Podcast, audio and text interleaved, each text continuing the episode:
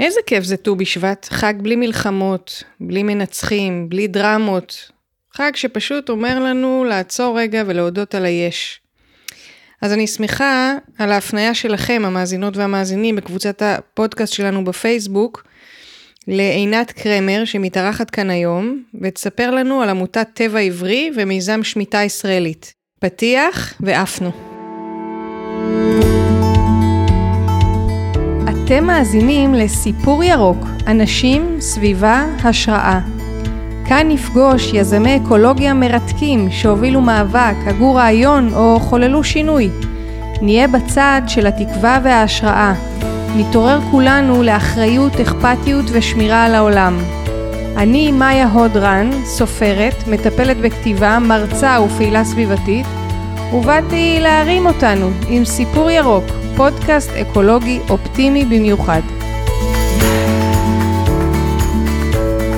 אז היי לעינת קרמר, מייסדת ומנהלת טבע עברי, ארגון שמחבר בין יהדות וסביבה, ומובילת מיזם שמיטה ישראלית. חוץ מזה גם דוקטורנטית שחוקרת קשר בין דתיות ויחס לסביבה. ארוך זה היה, מה העניינים? הכל טוב מאוד, ברוך השם. אז אה, אנחנו עכשיו בשנת שמיטה, אפילו אנחנו עוד מעט חוגגים את ט"ו בשבט, שזה החג שככה מקרב אותנו לכל מיני שורשים שקצת שכחנו. אז אה, דווקא כאן זה נורא מעניין אותי החיבור שלך האישי, אה, ואיך מצאת את הקשר, אה, או שעשית את הקשר, בין סביבה ליהדות. טוב, אז קודם כל באמת מצאנו את הטיימינג הכי טוב לעשות את המפגש הזה. רגע לפני ט"ו בשבט, שהוא מין סוג של יום כדור הארץ היהודי, בתוך שנת שמיטה, שזה שנת שיא סביבתית חברתית שחוזרת פעם בשבע שנים, אז אני מאוד שמחה, ממש שמחה, אה, שאני כאן ואנחנו עושות את הפגישה הזו. אה, החיבור אצלי בין הדברים, ככה, בין יהדות וסביבה, התחיל אה, דווקא כשהייתי סטודנטית צעירה, למדתי בכלל הנדסת מערכות תקשורת. הייתי בצבא ב-8200 ומשכו אותי להייטקס, כמו שהיום אה, מראים בפרסומות. וואו, את אה, ממש אז לא לפי הטייפקאסט של אה, שום דבר שקשור ל... עכשיו אני כבר, כן, עצים. עברו אי אלו שנים, כן, עכשיו אני מחבקת עצים מקצועית, אבל אז באמת, באמת באתי... מאיזושהי יחידה סודית ב-8200 להנדסת מערכות תקשורת שכל הזמן דיברו איתנו רק על כמה כסף נעשה אחרי, זה היה בתקופה של הבועה הזאת, של ה... שאולי עדיין לא התנפצה בעצם. נכון. אצלי כבר התנפצה מזמן, אבל אולי, אולי לא. והצטרפתי למגמה ירוקה, לא כי ידעתי משהו על הסביבה יותר מדי, אבל הייתי בבני עקיבא בתור צעירה, ובבני עקיבא כשזרקנו דברים אה, על הרצפה, היו צועקים עלינו, אה, ארץ ישראל שלנו, אל תלכלך את הארץ. אז הייתי מקפידה לא לזרוק, וגם מתנשאת על כל מי שכן מלכלך את ארץ ישראל שלנו. וגם כשהייתי קטנה ולא הייתי גומרת לאכול מהצלחת, היו צועקים עליי, בל תשחית! שזה מצווה שאומרת שאסור להשחית ולבזבז שום דבר בעולם, ולכן צריכים לגמור מהצלחת. זה המקביל של הילדים הרעבים בסומליה, של כן, אה, מי שלא בא מה... כן, מי שלא בא מהמגזר הזה. והיות והייתי גומרת הכל מהצלחת, וגם לא זורקת דברים על הרצפה, וחיפשתי איפה להתנדב, איכשהו התגלגלתי למגמה ירוקה. עכשיו, בשלב הראשון של אה, הדבר הזה, של הביקורים במגמה ירוקה, הייתי, אי אפשר להגדיר את זה בשום צורה מאשר בהלם תרבות. מוחלט. אה, אה, קודם כל, לא הבנתי את השפה. אני חשבתי שאני סביבתית, שלהיות סביבתי זה קמפיין פרחי הבר, כן? זה לא ללכלך ולא לכתוב פרחי בר. אה, ופתאום שמעתי על קיימות, פתאום שמעתי על תרבות הצריכה. על איזה שנה אנחנו מדברים? לפני מיליון שנה, אני בת עשרת אלפים. אבל רגע, עכשיו אני אנסה לחשוב באמת מה התשובה. משהו כמו אלפיים, כן, משהו כמו שנת אלפיים, כן. אז זה עוד לא משהו כל כך מדובר. זה, זה לא, זה היה תחילת הדרך, זה היה השנה השנייה לדעתי של התא של מגמה ירוקה בבאר שבע, לא הרבה אחרי שערן בנימיני בכלל הקים את הארגון.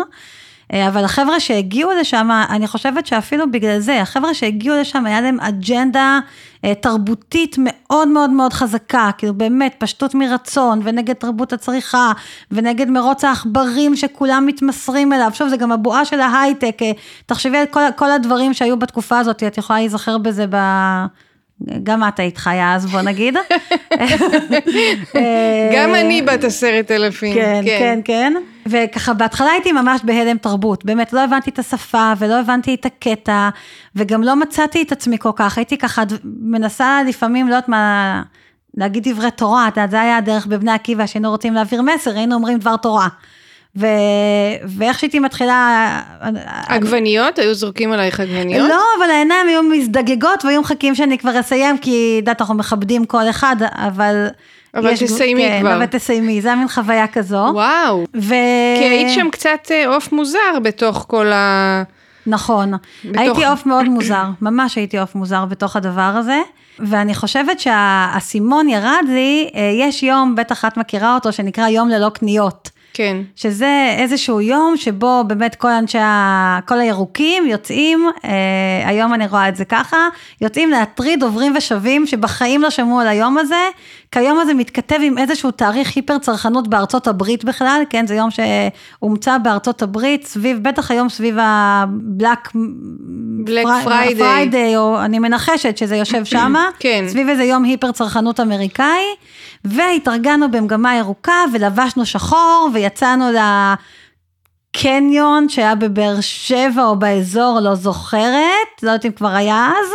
ועלינו וירדנו במדרגות הנאות וצעקנו על אנשים למה הם עושים קניות ביום ללא קניות. וואו. זה היה מטורף, גם היה לנו פרחים כאלה, שהיום בחיים לא הייתי עושה את זה, שריססנו אותם בשחור כדי להבהיר את הזיהום שנוצר מהתעשייה, משהו.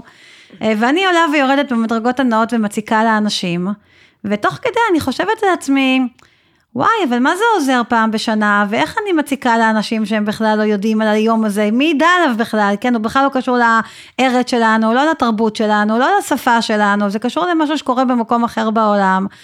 ואז אני ממשיכה ככה... לעלות ולרדת. כן, לעלות ולרדת ולנזוף, ו...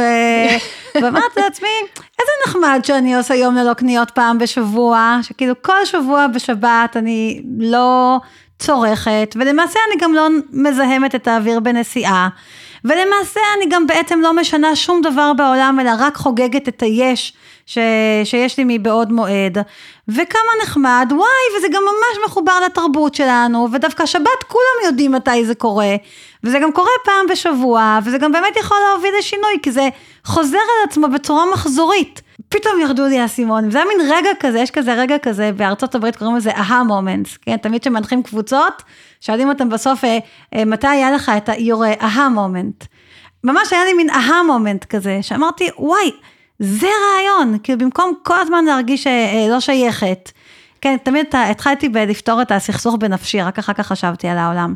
במקום כל הזמן להרגיש לא שייכת, וכל הזמן לנסות לקבל. זה תמיד ככה בעצם, לא?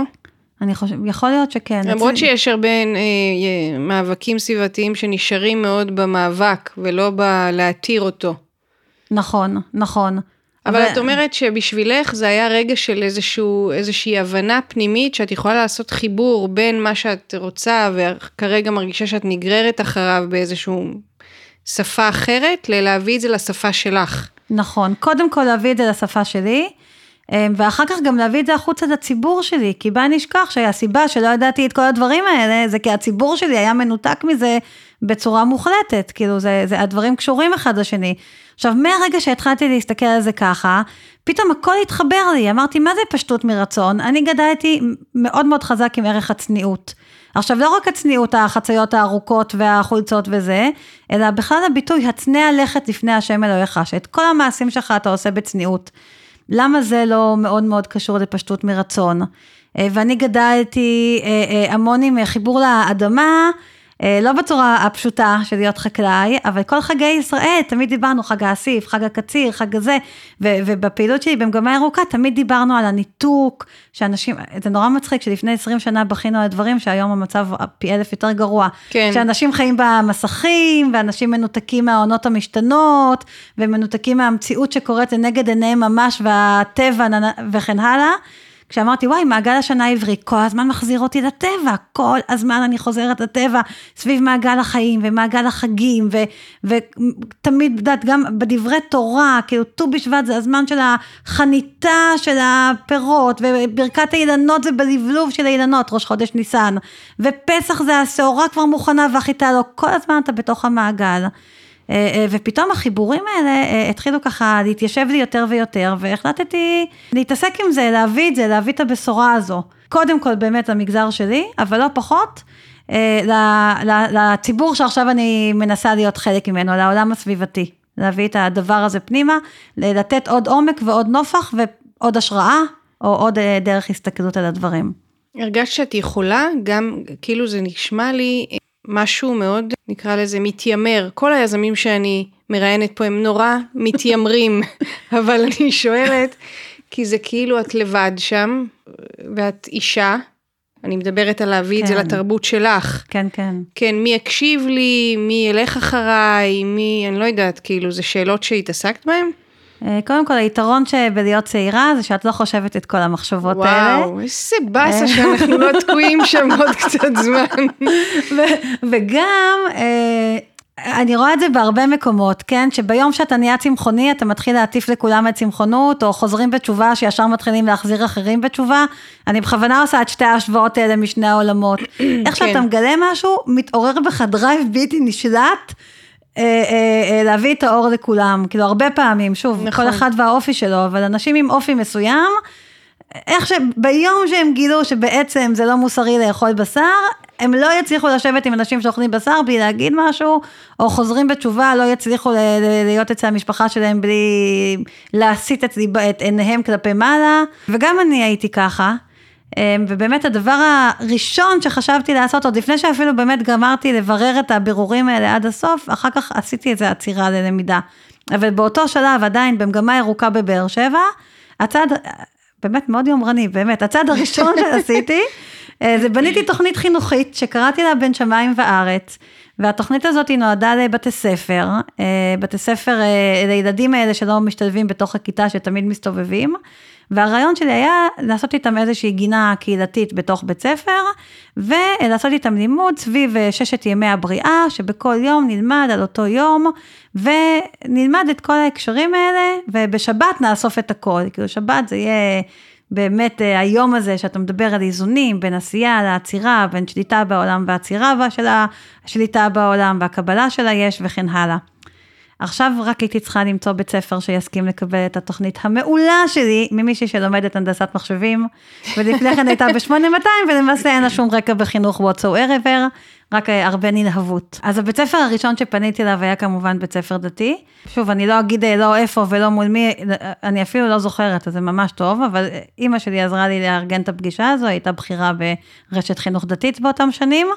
וישבתי מול המנהל, והתלהבתי, עפתי על עצמי, על כל הרעיונות שלי, וסיימתי, והרגשתי שהלך לי מעולה, עשיתי פרזנטציה כזו, זה ידעתי לעשות, ואז הוא חייך אליי, חיוך זחוח משהו, ואמר, תשמעי, זה מאוד מאוד מרגש שאת מוצאת דרכים להביע את עצמך, אבל לנו יש מספיק ערכים.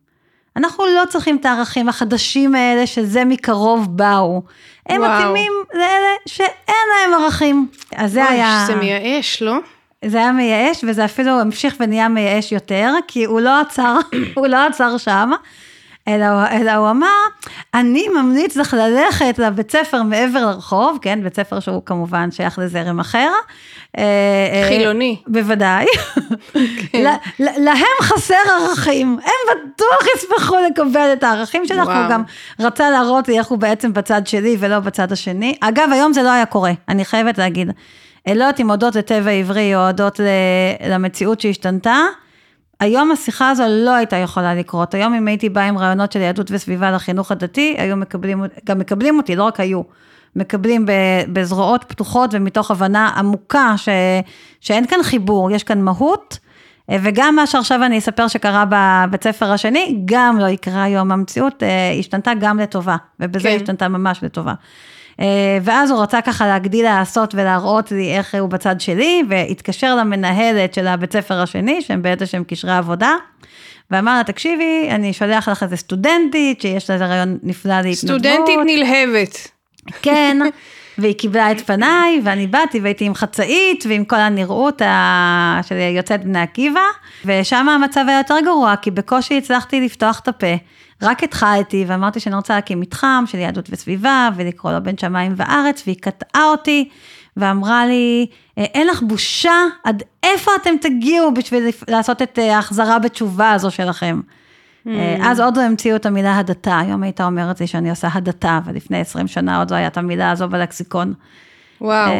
וזהו, וזרקה אותי מכל המדרגות. מה את אומרת? כן, זה מה שהיה אז. ואז, אני חושבת שאז נחתה עליי עוד הבנה, אה, שאם קודם הייתה לי מחשבה כזו, אה, שהכל עניין של תרגום, כן, אם אני אגיד להם, אה, אתם אומרים תרבות הצריכה ולצאת מהמרוץ, ואתם אומרים לשמור שבת, אתם אומרים פשטות מרצון, ואתם אומרים הצנע לכת, אתם, וכן הלאה, אתם אומרים אל תבזבזו, ואתם אומרים בל תשחית, ואז הכל יסתדר, וכולם יבינו שכולנו אחים, ואנחנו חושבים אותו דבר, ונפעל ביחד למען העולם והאדם והבריאה, אה, אחרי הרגע הזה אני הבנתי שהסיפור כאן הוא הרבה יותר עמוק, השבר הוא הרבה יותר גדול. מדובר בעצם באיזשהו תרגום של שבר אה, חברתי בכלל. כן, זה לא סמנטי. כן, זה לא, זה, זה לא, זה לא שאלת התרגום. אני זוכרת, אה, אני זוכרת את ה... באחת העבודות אחר כך, אני זוכרת שראיתי את ההבדל בין עולים מרוסיה לעולים מאתיופיה, למשל, אפילו ביחס לנוף. עולים מאתיופיה, שהם חיו בטבע כל החיים שלהם, היה להם קשה להבין את המילה נוף שאתה חיצוני לה. כי ה... מה זאת אומרת נוף? אני מסתכל על משהו שהוא הנוף, כאילו אתה צריך להבין שאתה פה ויש משהו אחר שם שהוא נוף. נכון. והעולים אה, מרוסיה, רק אמרת להם את המילה, המילה הזו זה המילה הזו, כאילו זה היה תרגום וזה היה ממש אה, שינוי תרבות, אז זה היה איזושהי הבנה ככה שהייתה לי בעניין הזה, שהסיפור כאן הוא לא סמנטי, הוא לא עניין של תרגום, וגם הסיפור כאן הוא לא סביבתי, הסיפור כאן הוא הרבה יותר רחב, הסיפור כאן הוא באמת עניין אה, גם של תרבות, גם של זהות, אה, וגם של ססע חברתי, זאת אומרת, הרבה לפני שאני אתרגם את הדברים, אני צריכה... שאנשים בכלל ירצו לשמוע את התרגום הזה, או בכלל להבין שזה קשור אליהם באיזושהי צורה, משני הצדדים אגב. אמ, יש ו... אנשים שבשלב הזה אומרים, אוקיי, זה גדול עליי ולהתראות. לא, כאילו, נכון. אני חושבת על הסתירה המצלצלת הזאת של איזה נערה באמת חרוצה ועם הרבה כוונה טובה וזה וזה, ופתאום בום בום משני הכיוונים, גם מהבית וגם מבחוץ. אמ, נכון, נכון, נכון, אבל אני דווקא בדיוק אה, קרה לי הפוך, דווקא זה...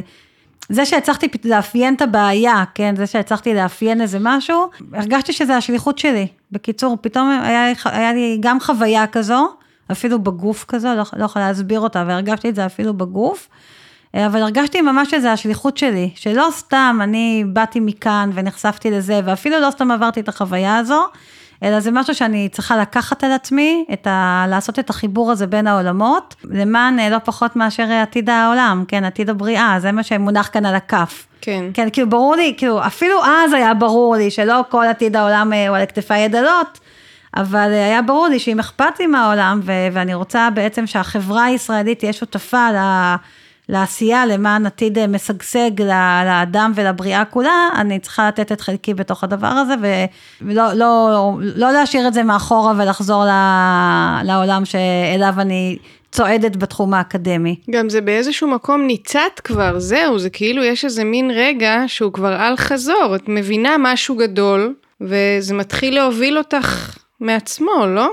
נכון, נכון, נכון, ו- ובעצם מה שהיה חסר לי זה כמו שאמרת קודם, שהייתי כמעט בלי ידע.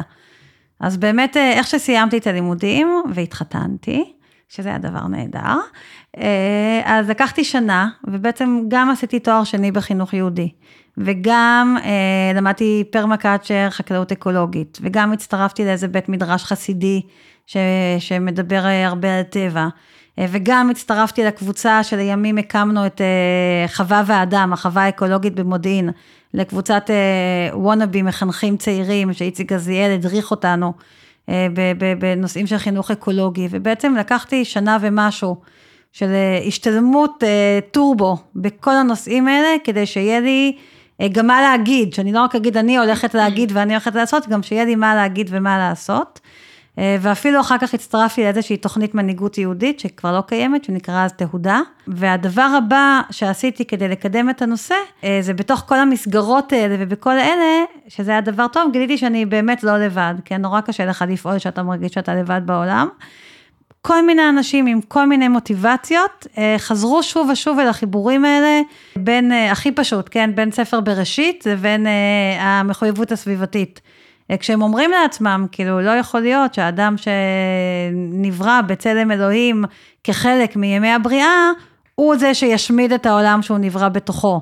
או לא ייתכן שאם האדם הוא שם בגן עדן לעובדה ולשומרה, במקום לעסוק אה, בריסון התאפקות ושמירה על העולם שהוא חי בתוכו, הוא יעשה בדיוק הפוך והוא לא יעבוד את העולם ובוודאי שלא ישמור עליו. זאת אומרת, אה, התחלתי לפגוש עוד אנשים שהנושא הזה דיבר עליהם בכל מיני צורות. את יודעת, אני, זה נורא מפתיע אותי שזה בכלל קרה הנתק הזה.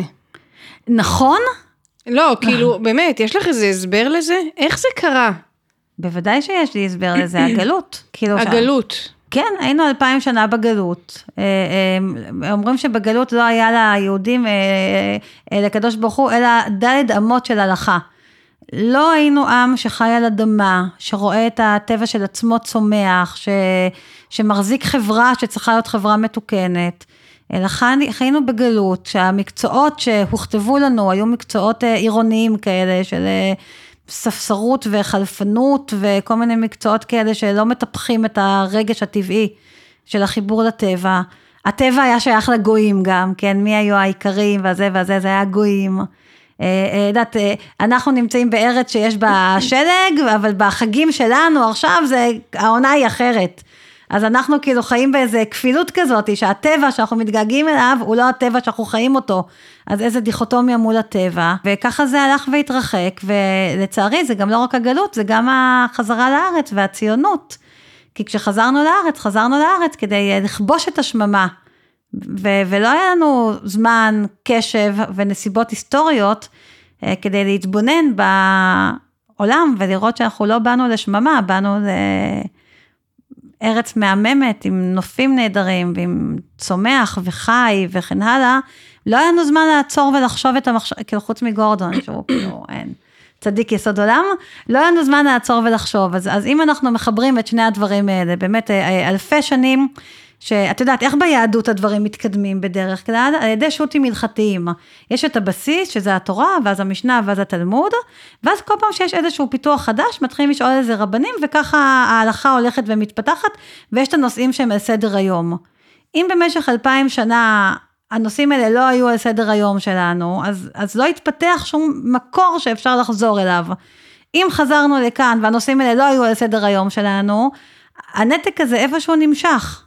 זאת אומרת, אה, כשאני, תראי, אני, אני לומדת את היהדות בהקשר סביבתי כבר, אה, לא יודעת, באמת 20 שנה, ובאמת תורה ומשנה וגמרא וספרות הלכתית והגות, ומאז שאני בת 40 גם את תורת הסוד, ואני ממש רואה את זה וחווה את זה ונושמת את זה, שהיסודות הפנימיים של השאיפה שכל הדבר הזה מוביל אליו, זה להיות חברה מתוקנת שחיה על אדמתה מתוך כבוד אמיתי.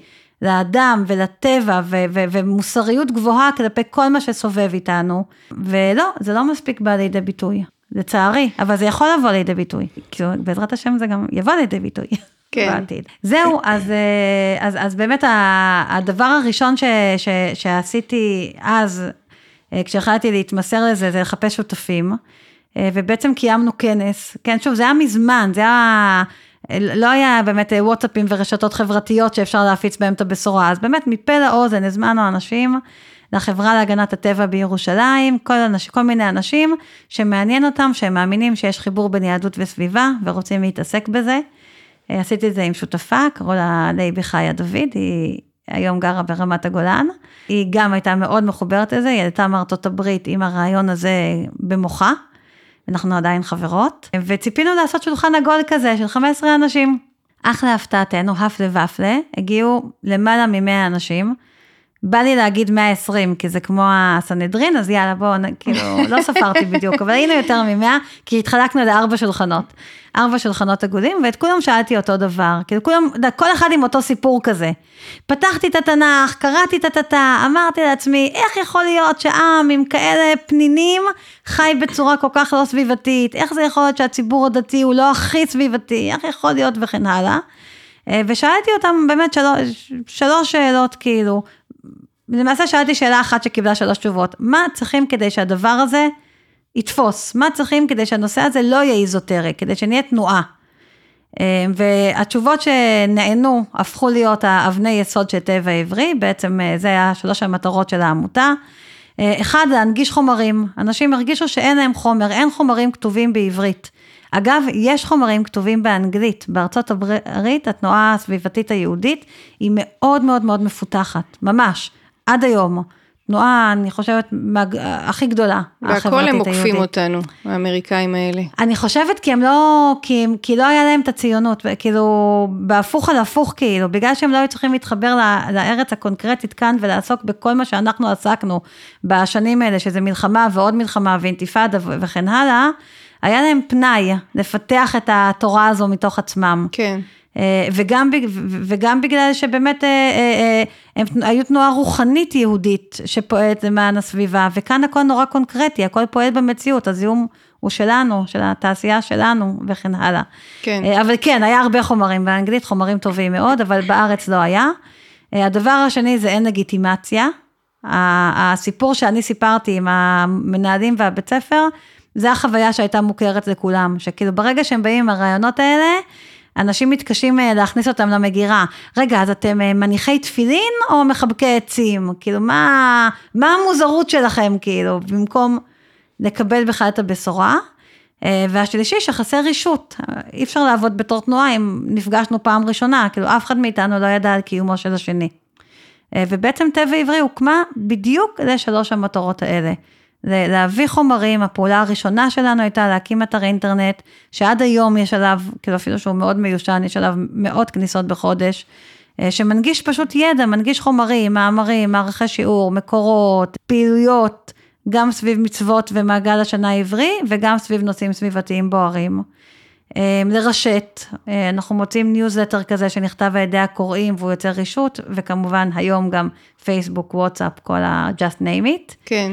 אה, ולגיטימציה. אבל, רגע, שנייה אחת עוד לפני, רגע, אז את יוצאת מהכנס הזה ומקימה את העמותה? לא, היה עוד שלב באמצע, נכון. מה הוא? יצאתי מהכנס הזה, לא נעים לי כי את תגידי לי שאני יומרנית, אבל... להפך, אני אוהבת יומרנות.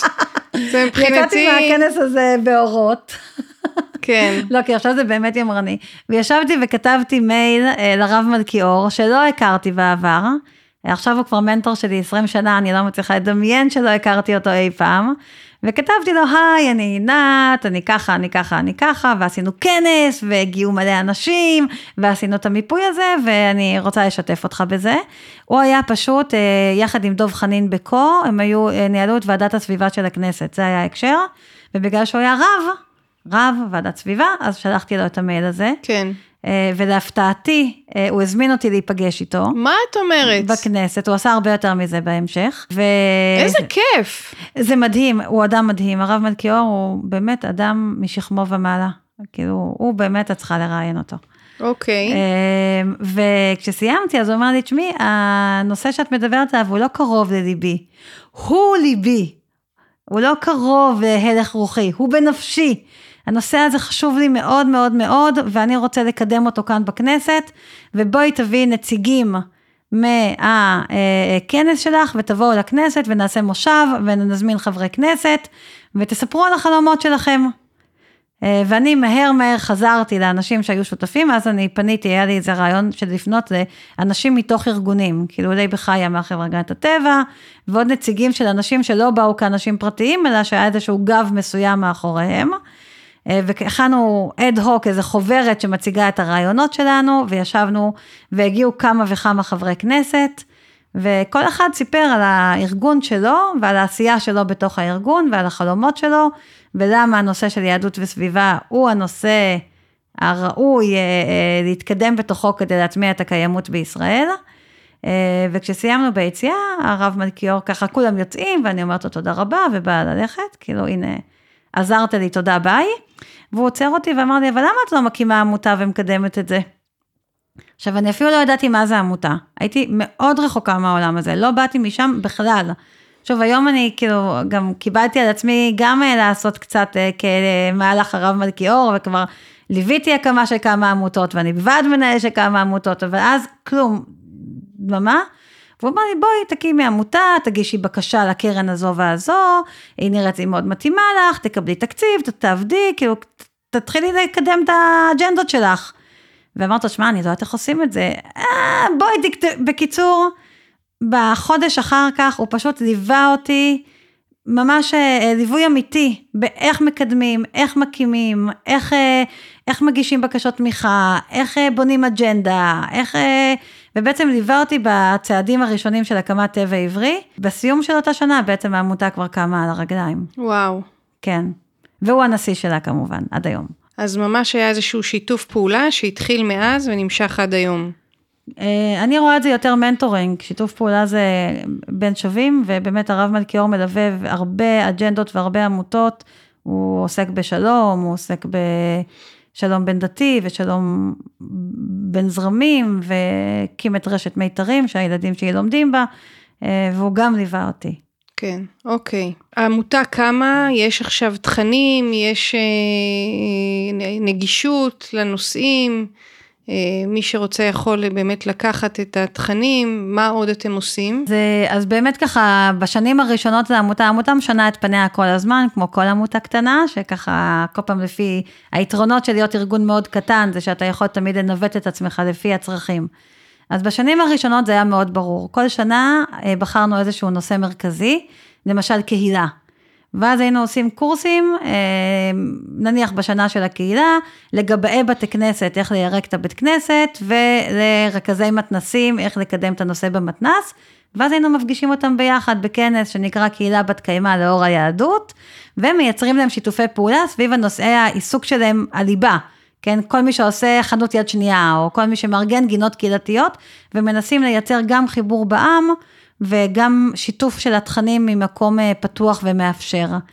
אה, זה היה ככה השנים הראשונות. כל שנה בשבת נוח, כן, שבת נוח זה השבת אה, שקוראים בה בפרשת השבוע על המבול. היינו עושים מצעד ענק בירושלים, עם מלא בובות מחופשות לחיות. איזה יופי. שמסתובבות ועושות צעדה עם שלטים, לא עוד מבול, או כולנו באותה תיבה. או כל שנה והסלוגן שלה, כדי להעלות מודעות אה, למחויבות שלנו לחיים של כל החיים. אבל אה, סיפור שבא לי לספר, זה איזשהו סיפור אה, שגם קצת עונה על השאלה שהתחלתי איתה, של מה בין יהדות וסביבה, אבל שמספר את זה מכיוון אחר. אוקיי? בטח. אז באמת באחת... סיפורים מה... אנחנו אוהבים פה. כן, לא, זה גם, א', זה גם סיפור שלווה, א', וב' הוא גם באמת נותן כיוון שאני לפחות לפני כן לא חשבתי עליו, זאת אומרת, אני לפני כן שחשבתי למה אני עוסקת בזה, זה בגלל הרצון לחיבורים, הרצון לשלום, הרצון אה, באמת לחבר אותנו גם למורשת וגם לעצמנו וגם לעתיד משותף. באיזשהו שלב בתוך כל הדבר הזה היה את פסגת כדור הארץ, ריו פלוס 20, זה 20 שנה אחרי פסגת כדור הארץ המקורית שהייתה ב-1992.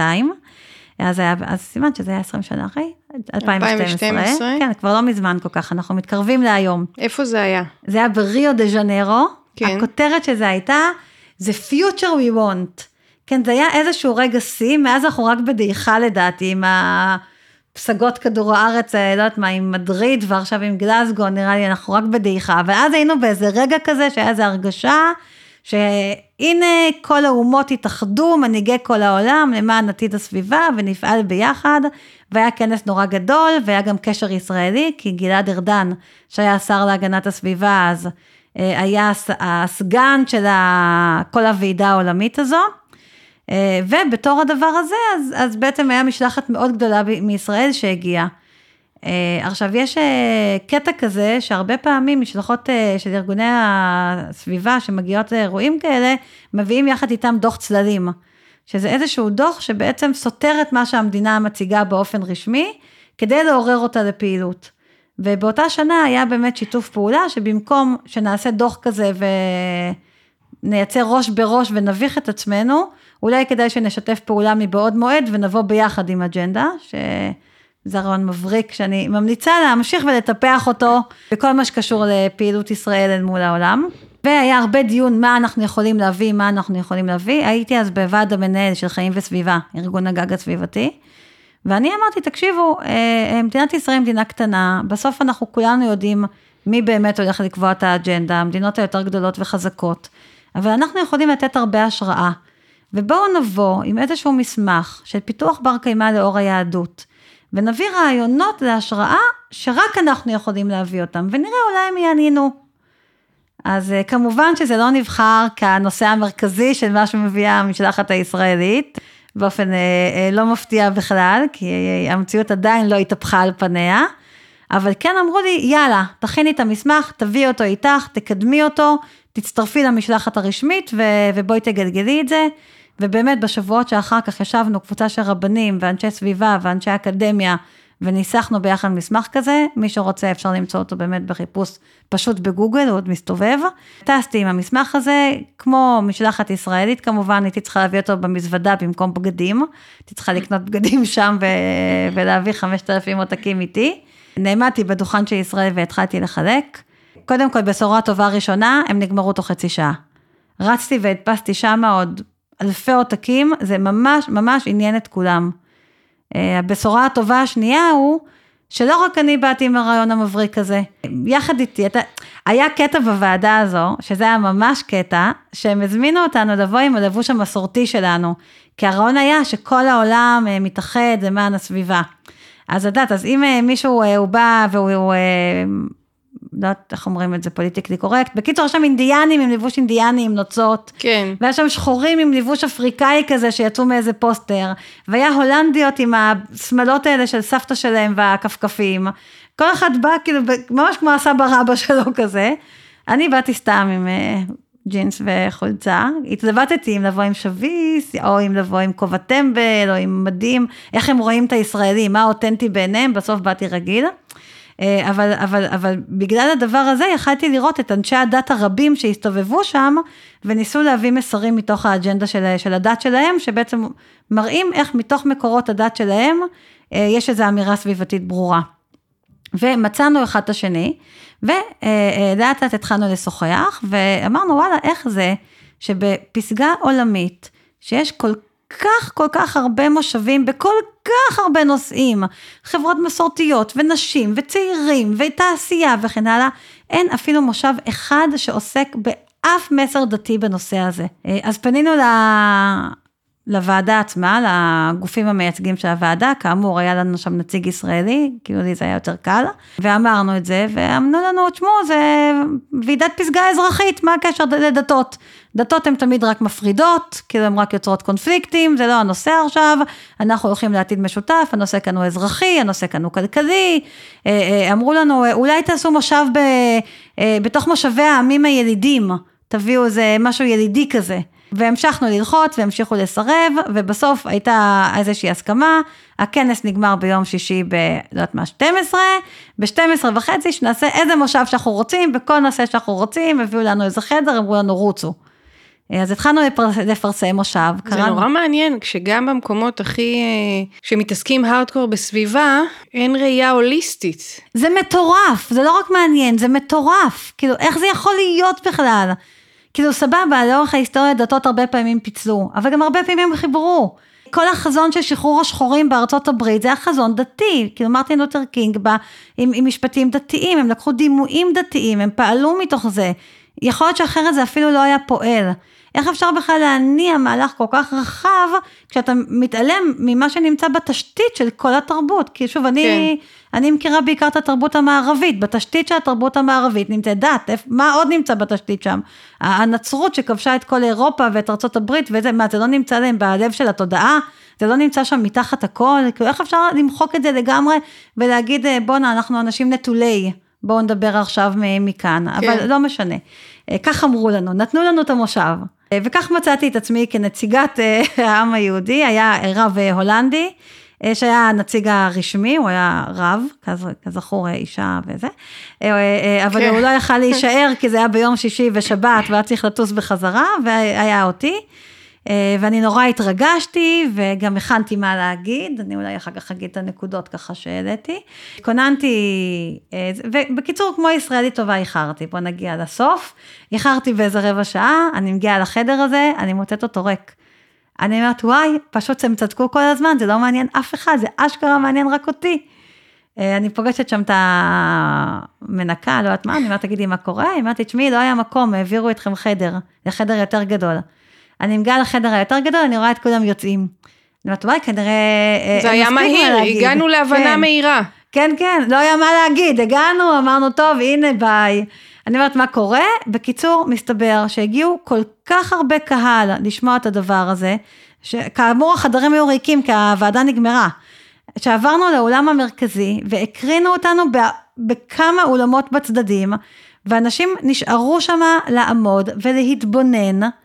אה, אה, אה, במנהיגים דתיים של דתות שונות יושבים וכל אחד מדבר בשבע דקות או בחמש דקות עד מה סביבתי בדת שלו ומה הם פועלים למען הסביבה. וואו, איזה יופי. חוויה מטורפת, ממש מטורפת. ואחד הדברים המטורפים שהיו בה, זה באמת מה שאחד, ה, ה, מי שניהל והוביל את הדבר הזה, היה כומר גרמני, והוא התחיל ואמר, חברים, מדברים על זה שצריכים לשנות את הסביבה, וידי זה צריכים להגיע לאנשים. הדתות זה ה-NGO הגדול בעולם, NGO זה ארגון ללא מטרת רווח. מילי... אם אנחנו רוצים אה, לשנות את ההתנהלות של האנשים, אנחנו צריכים להגיע לאנשים. האנשים נמצאים בדתות. מיליארדי אנשים מעידים על עצמם שהם אה, מחוברים לדת מסוימת או לשיטה רוחנית מסוימת. אם אנחנו רוצים להגיע אליהם, אנחנו צריכים לבוא אליהם מתוך זה, דרך זה, או לפחות לדבר את השפה של זה גם במסגרות אליהם. כל מי שאכפת לו מכדור הארץ צריך אקטיבית לפעול להניע שינוי, להניע עשייה מתוך הדתות עצמם. עד, עד אז לא חשבתי על זה כמובן, אה, אבל אני חושבת שהדבר הזה מאוד מאוד נכון, וגם למעשה אני רואה אותו מתקיים אה, ממש לנגד עיניי המשתאות היום, אה, כשאנחנו מדברים על הדת הנוצרית הקתולית. האפיפיור הנוכחי הוציא הצהרה, יש להם כל מיני שיטות של הצהרות דתיות, יש איזו הצהרה ברמה הכי גבוהה כאילו, הוא הוציא מין הצהרה כזו, שבה הוא קושר בין השוואת העניים ושוואת האדמה, כן, בדת הקתולית הרבה מדברים על חסד, העניים וכן הלאה, והוא הכניס את האדמה הנרמסת יחד עם העניים לאותה תמונה, ואמר שהנוצרי הטוב צריך לדאוג לשוואת העניים שנרמסים בגלל משבר האקלים, ולשוואת האדמה המדוכאת ולפעול ביחד. ומהרגע שהוא הוציא את ההצהרה הזאת, אתה רואה את הכנסייה הקתולית שלאט לאט משנה את פניה, ומחזיקה גינות קהילתיות בחצר של כל כנסייה, ופועלת להפחתת טביעת הרגל האקולוגית, ופועלת אקטיבית לשימור מגוון המינים. וואו. ואתה אומר, וואלה, זה נכון, זה פועל. כאילו, אם אתה רוצה להניע שינוי, יש הרבה דרכים להניע שינוי, אבל אסור להזניח את, ה, את האפיק הזה אה, של דרך הדתות עצמם, ובתוך האפיק הזה, אנחנו כאן בישראל, דרך היהדות שלנו. אז שבאמת- באמת, זה נורא ככה מעסיק אותי באמת, אה, איפה, איפה אנחנו בישראל בתוך הדבר הזה, כי מצד אחד את מדברת על אה, משהו שהוא מובן מאליו לי, פשוט מובן מאליו, אני לא צריכה, אני לא, לא צריכה שום הסבר. ומצד שני, בפועל, מה שקורה זה נתק גדול. אם אנחנו מדברים על איך להניע אנשים, שהרבה פעמים זה באמת דרך רבנים או אנשי דת משפיענים, אה, איך זה קורה, איפה זה קורה, האם זה קורה בכלל בארץ היום? ומה הקשר שלך באמת אה, לכל הסיפור הזה? זה קורה, אוקיי, נתחיל מזה, זה קורה, לאט, בקושי רב, אבל אה, אם אני, בגלל שאני כבר הרבה שנים בתחום, אני יכולה להגיד שאם לפני 20 שנה אה, היו מתייחסים לנושא הסביבתי בתור הערכים שזה מקרוב באו לאלה שאין להם ערכים, כשלנו יש את הערכים המלאים שלנו, היום זה לא המצב, היום הנוער הדתי שגדל הוא נוער אה, אה, שמחפש אותנטיות, שמחפש רלוונטיות, שרוצה שהאמונה שלו והרוחניות שלו והפרקטיקה שלו יהיו קשורים למציאות שהוא רואה לנגד עיניו, שמודע למשבר האקלים ולהשלכותיו, והחיבורים האלה קודם כל צומחים מהשטח, זאת אומרת, אני יכולה להגיד, זה היום גם יותר קל להסתכל על זה, כי אם היום אני אסתכל על קבוצת אה, דתיים טבעונים בפייסבוק, זו קבוצה... יש דבר כזה? בוודאי שיש כזה. אה, קבוצה משגשגת, אה, אה, התנועה בר קיימא, התנועה של קיימות עברית, תנועת צעירים, סטודנטים וחיילים וכן הלאה, הם לא רק דתיים, הם מכל הגוונים, אבל שפועלים לקידום חברת מופת מתוך החזון החברתי-סביבתי שטמון ביהדות. זאת אומרת, אני רואה את זה בתור כניצנים. אה, ומצד שני, אני בטח לא צריכה לספר לך שלצערי החברה שלנו, אם התחלתי לפני 20 שנה כשהיא הייתה מקוטבת, היא אף מקוטבת יותר, ומאוד מאוד קשה אה, להעביר מסרים כשהם לא מגיעים מהאדם שהוא בדיוק, בדיוק, בדיוק בתת זרם שלך, זה כבר אפילו לא זרמים ביהדות, זה כבר תתי זרמים. אז, אז מצד אחד אני רואה את השינוי, אני רואה אה, ספרי הגות שנכתבים. אה, בדוקטורט שלי למשל, אז אני מסתכלת על השמיטה, ואני רואה שלאורך ה-20 שנה האחרונות נכתבו המון ספרי הגות על השמיטה. ובעוד שבעבר נכתבו המון ספרי הלכות על השמיטה, עכשיו המון ספרי הגות מדברים על השמיטה בתור חיבור נכון בין האדם לארץ. חיבור שבו אתה אה, מאפשר לארץ עצמה, לאדמה, לנוח, לשבות, אה, כתוב בפסוקים, ושמרה, ושבתה הארץ שבת להשם. שאתה מאפשר לארץ עצמה לשבות, לארץ עצמה לעבוד את אלוקיה, ואתה עוסק בריסון והתאפקות ולפנות למקום. אה, הרבה דיבורים שהם ממש דיבורים סביבתיים טהורים, כן? טליה שניידר כתבה אומנות השמיטה, על איך אתה יכול לגדל בשיטת הפרמקייצ'ר אה, אה, שש שנים, ככה שבשנה השביעית אתה באמת שומט את האדמה, ועוד ועוד, ואני, וההגות הזאת לא נכתבה לפני 50 שנה, וגם לא לפני 30 שנה, היא נכתבת עכשיו, והיא נכתבת עכשיו כי עכשיו ברור לכולם שחיבור נכון למורשת ולאדמה ולעצמך, חייבת אה, אה, להיות מקיימת, היא לא יכולה להמשיך להתעלם מהמציאות המתחוללת לנגד עינינו. אז בואי נלך רגע לפרקטיקה של זה. אני אתן דוגמה לאיזושהי עשייה שנעשתה ממש עכשיו. לפני כמה חודשים, אה, ביוזמה שאגב היא לא שלי, יוזמה של אה, פעילת סביבה בשם רחלי מרחב, אה, פנינו לקבוצה גדולה של רבנים מכל, ה... מכל הזרמים של הציונות הדתית והחרדית. זאת אומרת, מה, מה, מהמקומות שהרגשנו שאנשים פחות חשופים לנושא הסביבתי, מאשר הציבור היותר פרוגרסיבי שנחשף לזה כל הזמן. אה, ובעצם פנינו אליהם והצענו להם לבוא לסדנת זום, אה, שבו נסביר להם מה קורה, כן, הדבר הזה היה רגע לפני הפסגת, הפסגה העולמית אה, בגלסגו, היה הרבה דיבורים סביב זה, ואמרנו אולי יש כאן הזדמנות לחשוף את, ה, את המובילים הדתיים, את המובילים הרוחניים וגם ההלכתיים, שציבורים מאוד מאוד רחבים לנושא, ש, ש, שיבינו מה קורה, ש, לתת להם עוד ידע. ובאמת פנינו, וככה אני, אני עשיתי הרבה מהפניות, ופניתי עם הרבה חשש, כי בעבר כבר כמה פעמים ניסיתי, ופחות הצלחתי עם המובילים האמיתיים, הצלחתי תמיד עם אה, הכשרת רבנים אולי, לעשות להם איזה שיעור העשרה או משהו כזה, אבל לא עם רבנים שהם כבר בעמדה מאוד מאוד משפיעה ומובילה ושמרנית מאוד, ולהפתעתנו הצלחנו כולם אמרו כן, בקיצור, להפתעתנו כולם אמרו כן, כולם רצו להבין מה קורה, לקבל יותר מידע אה, של מה העניינים. והבאנו את אה, דוקטור דיה אטינגר, שלדעתי היא אחת המובילות בארץ בכל הנושא הזה של אה, הידע על משבר האקלים, והיא פשוט עשתה הרצאה מאוד מאוד מסודרת, היא לקחה את דוח ה-IPPC, הדוח העדכני ביותר שמתאר מה קורה, ועברה שקף שקף מה קורה עם מגוון המינים, מה קורה עם מזג האוויר, מה קורה עם הפליטות, לאן הדברים הולכים, מה הקשר בין התנהגות אנושית לכל זה, מה העתיד הקרוב הנראה לעין אם נמשיך להתנהל כמו שאנחנו עכשיו.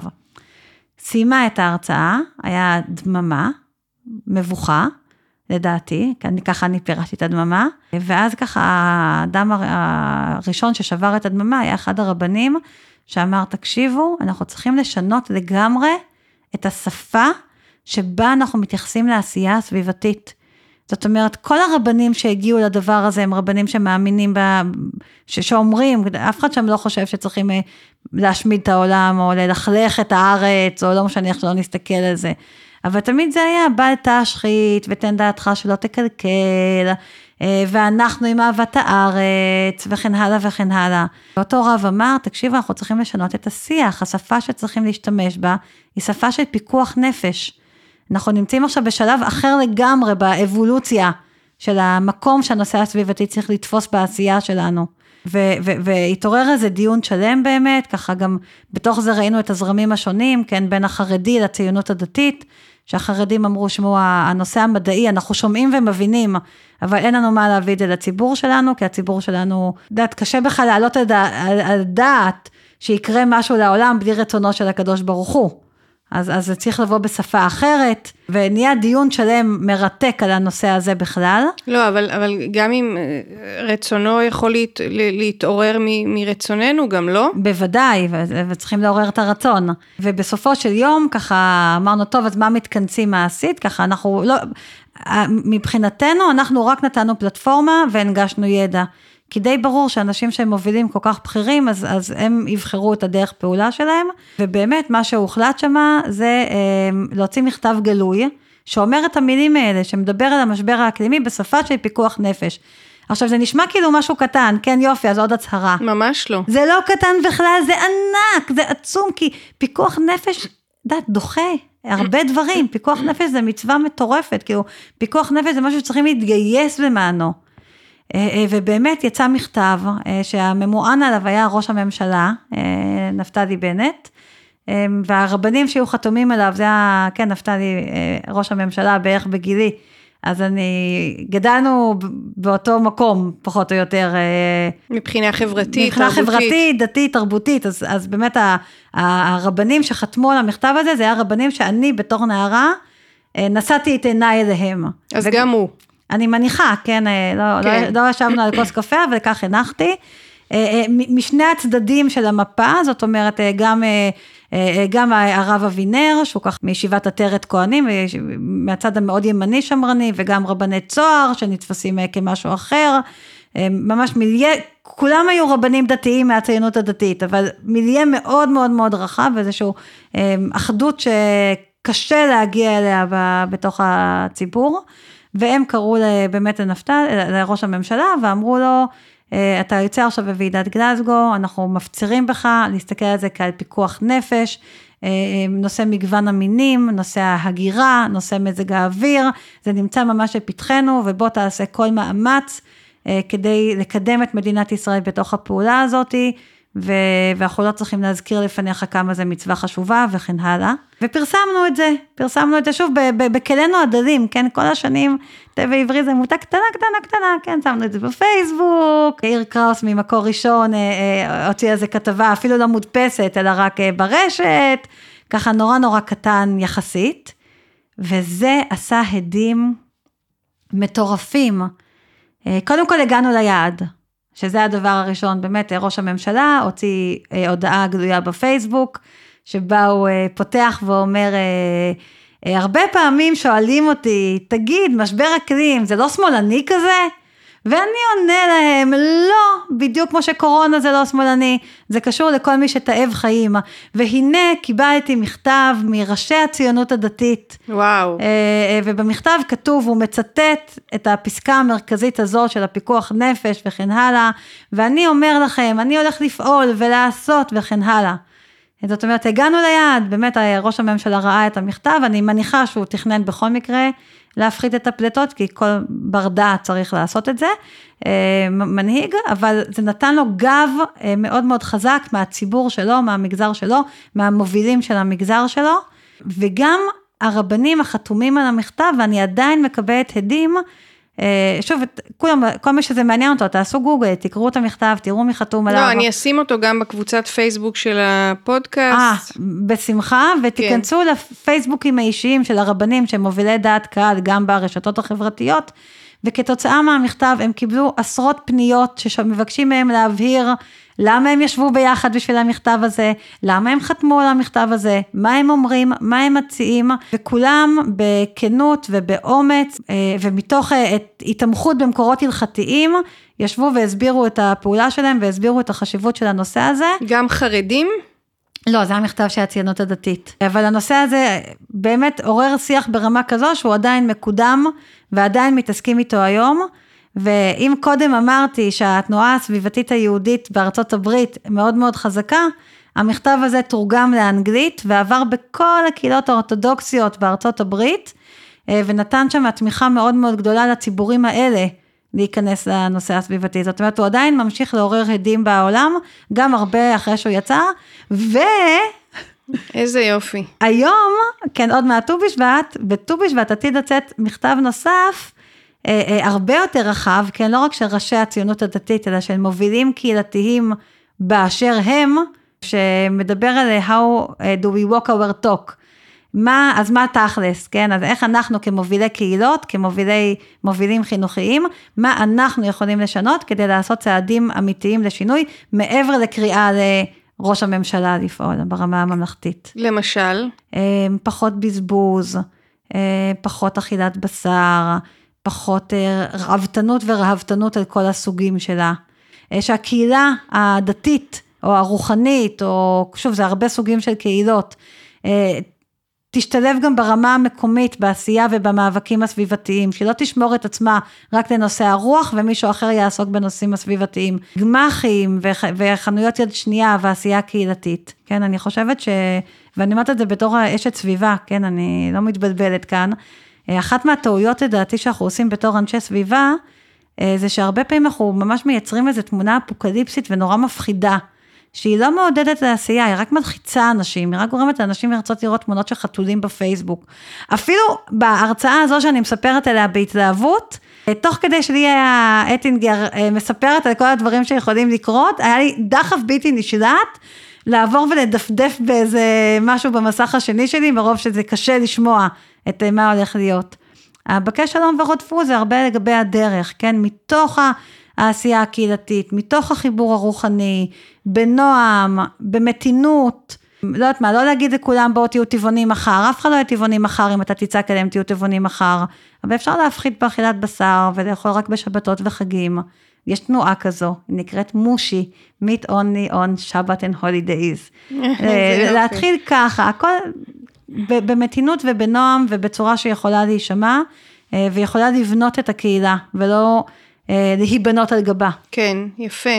אמרת משהו ככה, התחלת לזרוק על שמיטה, ואני יודעת שזה גם אה, מיזם שלך, אז אני אשמח אה, לשמוע מה זה מיזם אה, שמיטה ישראלית ואיך הגעת. הכרתי את מצוות שמיטה, כן? זה אותה מצווה שפעם בשבע שנים בעולם הקדום, כשכולם היו חקלאים, החקלאי היה צריך להפסיק לעבוד לשנה שלמה, לפתוח את השדה, שמה שכן גודל ממנו יהיה פתוח לכל רעב בני האדם ואף לבעלי החיים, ובסוף השנה הזו אה, נשמטו החובות הכספיים וכולם זכו להתחלה חדשה. קודם כל זה שמיטה, באידיאל, בעולם האוטופי האידיאלי. תמיד הכרתי אותה כמובן, אבל כשילדתי את הבן הרביעי שלי, את ניתאי, אני אף פעם לא הייתי בחופשת לידה אמיתית. יש קטע, אם את מראיינת הרבה פעילים, אז את יודעת שזה משהו שהוא בנפשנו קצת. תמיד אנחנו חושבים שכל העולם על כתפינו, ושאנחנו לא יכולים לעצור. אה, למרות שכל הדיבורים על עשייה ועצירה זה נורא מוזר, אבל אני אף פעם לא עצרתי. כל אה, בן או בת שנולדו לי, הייתי, לא יודעת מה, שמה אותם במנצח וממשיכה בפול פאוור, כי אין לנו זמן, אין לנו זמן, חייבים לפעול. וניתאי, שהיה לי הרגשה שהוא האחרון, וגם באמת לימים ההרגשה הזו הוכחה כנכונה, אה, אמרתי, יאללה, בוא נעשה את הקטע הזה של חופשת לידה, נראה מה זה עושה. עכשיו, אה, לשמחתי הוא היה תינוק מאוד נוח, אבל גם לצערי, בגלל שהייתי מאוד משועממת, לא הכרתי את ההרגשה הזו קודם. ואחרי שגמרתי אה, לטפס על הקירות ולהתחרפן וכל מיני דברים כאלה, כשהתחלתי להירגע בקיצור, קרה לי משהו, כן? קרה לי משהו של הרחבת המבט. אמ, זו חוויה שאני מכירה אותה אגב משבת, שבשבת כזה אתה נורא נורא בלחץ ואז מכניס שבת, ואז בתחילת שבת אתה בסטרס כזה על כל הדברים שעצרת באמצע, ומתישהו במהלך השבת פתאום, בדרך כלל בבוקר כשמתעוררים, ורק צריכים ללכת לבית כנסת, אז פתאום הכל נרגע, יש איזה שלוות עולמים כזו. הרפייה כזאת. כן, ממש הרפייה שכאילו וואלה, כאילו אני כבר אחרי אי אלו שעות שבהם לא עשיתי כלום וגם לא ניזונתי ממסכים, שזה גורם מאוד מלחיץ. אה, ויש לי עוד אי אלו שעות כאלה שבהם אני אתמסר רק למשפחה ולקהילה ולרוח ולאכילה וכן הלאה, ופתאום יש איזה זמן, ופתאום גם כל מה שקרה קודם בשבוע מתחיל להתיישב במקום הנכון. כן. אז, אה, אז, אז, אז ככה היה לי בחופשת לידה הזאת, ככה פתאום התחלתי להסתכל, ו, ו, ופתאום ראיתי אה, שלמרות שאני תמיד מרגישה שעוד רגע הכל קורס ועכשיו חייבים לפעול, אה, שיש הרבה דברים טובים שנבנים ומתקדמים ומשגשגים ופועלים, אה, אה, שפשוט אין לי זמן להסתכל עליהם ולהודות עליהם, כי אני כל הזמן בעשייה. יש גם קטע כזה שאתה מנהל עמותה קטנה, אתה צריך כל הזמן להגיש תמיכות, וכל הזמן צריך להראות כמה המצב חמור וכמה יש לך משהו, ואיך שאתה מסיים את הפעילות, אתה צריך ישר לרוץ לדבר הבא. אז זה גם משהו, גם בזה לא הייתי פתאום. פתאום נורא נורא התלהבתי מכל הדברים הטובים שקורים. נורא נהניתי ממש, התחלתי ככה, לא יודעת, אה, אני מנסה לחשוב על משהו, דוגמה קונקרטית, כן, בתחום שלי, כן? אה, הנה, למשל, אה, אחרי המחאה, מחאת האוהלים של 2009, אז הרבה היה דיבורים שהמחאה נכשלה ושום דבר לא קרה וכולנו חזרנו להיות כמו קודם, אבל כשהייתי בחופשת הלידה הזאת ב-2012, 13, אה, אז פתאום שמתי לב שהמון המון אנשים מתקשרים אליי, ואני אומרת להם לא, כי אני בחופשת לידה, וכל האנשים האלה זה אנשים שחיים בבניינים בכל מיני מקומות, שהקהילה החליטה לקחת אחריות על עצמה, קהילת הבניין או קהילת השכונה, ולהקים או איזה גינה על הגג, או איזה גינה קהילתית, או משהו כזה, ועכשיו אחרי שהם כבר גמרו את השלב הזה, הם רוצים להוסיף פנימה רוח, והם מתייעצים איתי על קבלות שבת, על ערבי לימוד, על הרבה בתי מדרש. בואנה זה מטורף, כאילו מ-2009 עד 2013 זה כולו ארבע שנים, איזה שינוי גדול. אנשים לוקחים אחריות על עצמם, אנשים מפסיקים לצעוק על הממשלה, אכלו לי, שתו לי, תעשו לי, ולוקחים אחריות על המרחב הציבורי שלהם ברמה המקומית, זה מלהיב מאוד מאוד מאוד, ואף אחד לא מספר על זה, ואף אחד לא מדבר על זה, והתחלתי לשבת ולחשוב, אה, איך, אה, איזה הזדמנות, כן, אני תמיד, אה, בגלל שזה מה שמושך אותי, תמיד שיש איזה משהו שמלהיב אותי, אני מחפשת איפה זה מעוגן ביהדות, כן, איפה זה מעוגן במורשת. ואמרתי, מתי ב, בסיפור שלנו כיהודים, יש הזדמנות לעצור הכל לזמן כדי להודות על היש. בום, שמיטה, נזכרתי בשמיטה, אמרתי וואו, פעם כולם היו, כאילו פעם לא כולם היו חקלאים, אבל הרוב היו חקלאים, כן, תקופת בית שני ואחריו עד הגלות, החברה הייתה חברה חקלאית, בבת אחת הם אמרו שלוש ארבע ו, וכולם הפסיקו לעבוד. נתפנה להם המון המון זמן חופשי. אז הם טיפסו על הקירות קצת, אני מניחה, וכל מיני דברים קרו. על המחצלות אולי. כן, אבל מה הם עשו כל שאר הזמן? מה הם עשו שם?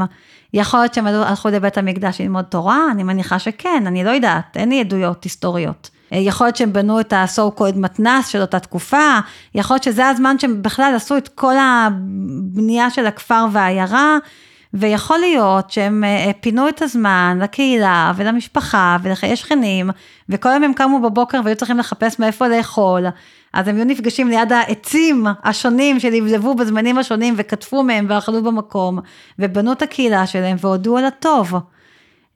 פתחתי את לוח השנה, בדקתי מתי יש מיטה, עוד שנה וחצי.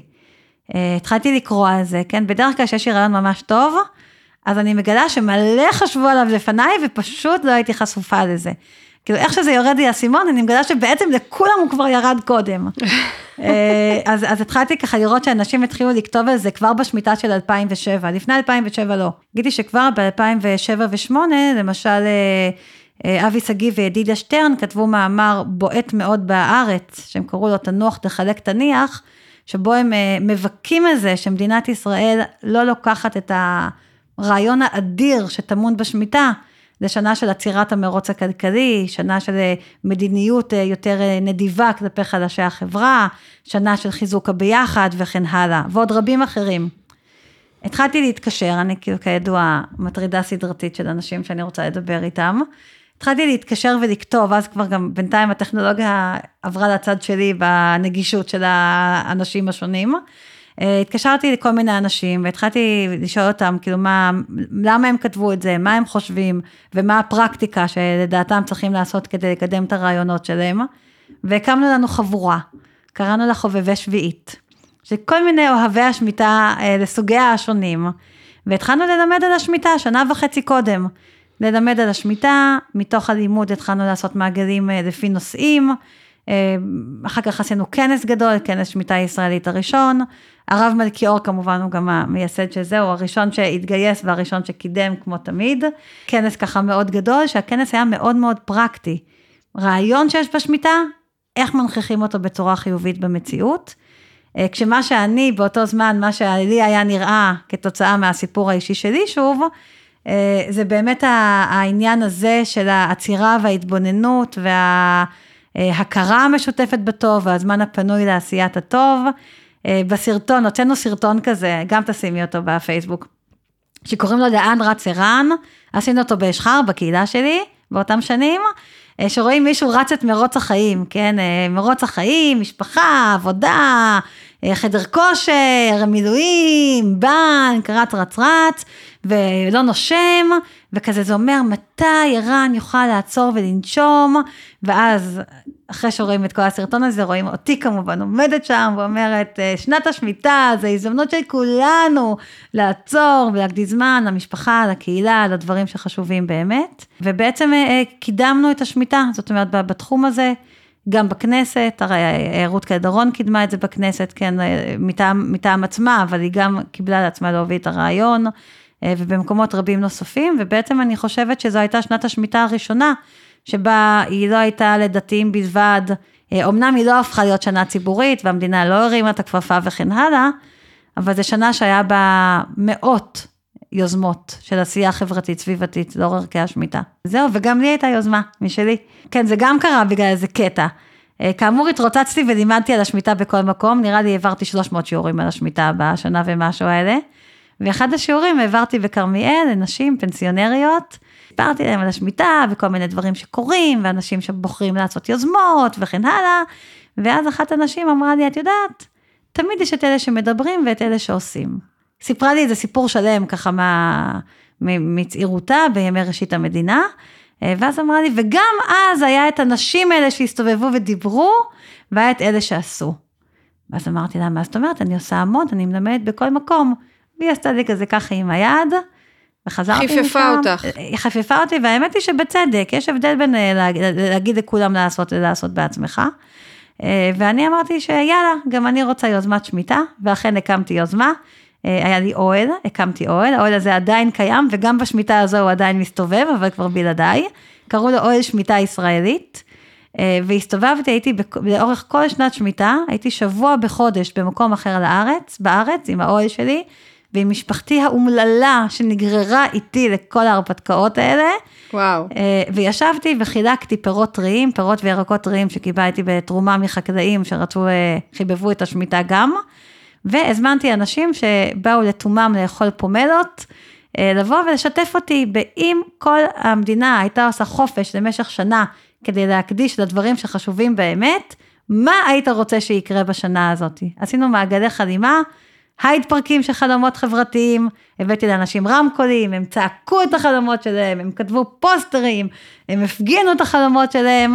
בקיצור, עשינו אה, אה, בלגן חיובי. התחלתי בתמנע בתחילת שנת שמיטה וסיימתי ברמת הגולן באלול לקראת מוצאי שנת שמיטה. מרשים מאוד. כל מה שסיפרת עכשיו זה לשמיטה של תשע"ה. אה, אבל כפי שכולנו יודעים, אנחנו נמצאים עכשיו כבר בשמיטה אחרת, שנת שמיטה אה, אה, שאנחנו נמצאים בה היום, והיא קורית בעיצומה של מגפת הקורונה.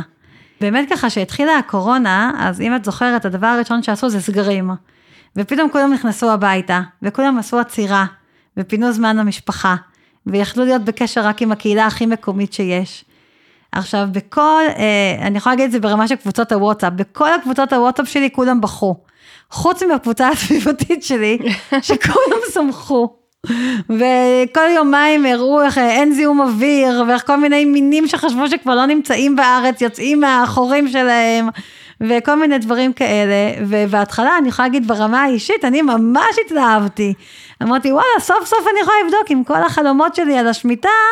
אה, אמנם זה לא שנת שמיטה עדיין, אבל, אבל לראות אם זה באמת פועל, אם כשכולם עוצרים וכולם מתכנסים, קורים דברים טובים. אה, מהר מאוד ראיתי שלא קרו דברים טובים בכלל, בוא נתחיל מזה. אה, גם לא ברמה האישית שלי, כי לי ברמה הכי אישית היה מאוד קשה. אה, לא להיות בתפקידים ובמקומות שאני רגילה להיות בהם ובשגרה שאני רגילה להיות בה, זה היה ממש משברי בשבילי ומסביבי ראיתי שזה משברי אצל כולם.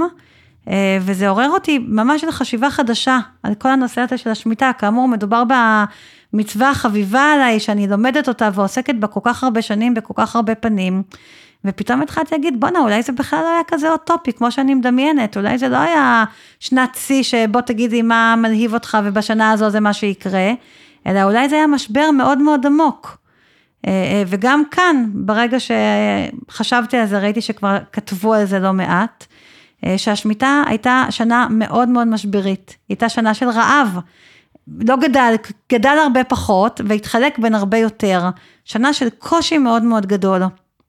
אבל קושי מחזורי שחוזר כל שבע שנים וכולם יודעים להתכונן בו. ופתאום התחלתי להסתכל על השמיטה אחרת לגמרי, כן? אה, אה, אה, אם, אם יש משהו שקורה, נניח אם אני יודעת שהשמיטה מגיעה בשנה השביעית ויהיה מחסור גדול באוכל, אני כבר מהשנה השלישית אני אתחיל להיות חסכנית.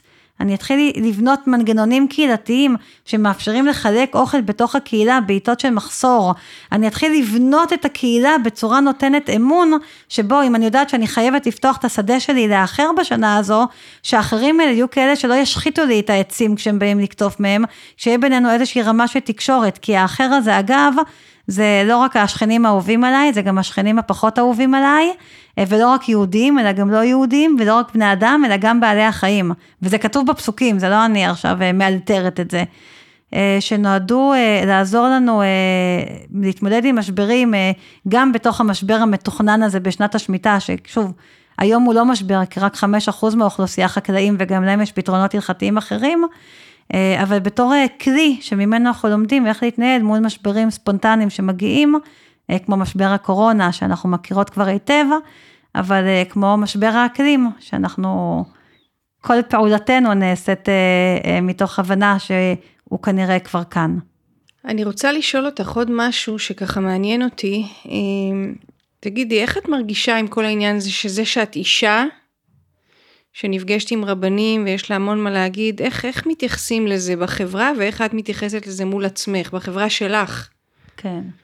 אני עוסקת עכשיו הרבה במחשבה על אה, נשיות בתור מקום שיזיז את הדברים טיפה אחרת מאיך שנהגנו לעשות בשנים האחרונות, ולא כל כך הולך לנו. בהנהגה הגברית, אני, אני מתכוונת. כן. טוב, אני אפתח בזה שאני מסכימה איתך מאוד. אני באמת חושבת שאנחנו צריכים היום הנהגה נשית, הרבה יותר שפה נשית, יכולות נשיות לתכלול וחיבור אה, וכן הלאה. אה, תראי, בתחילת הדרך השיטה שלי הייתה להתעלם מזה. כן, אני גדלתי בבית בתור צעירה, אמרו לי שכל מה שאני רוצה אני יכולה לעשות.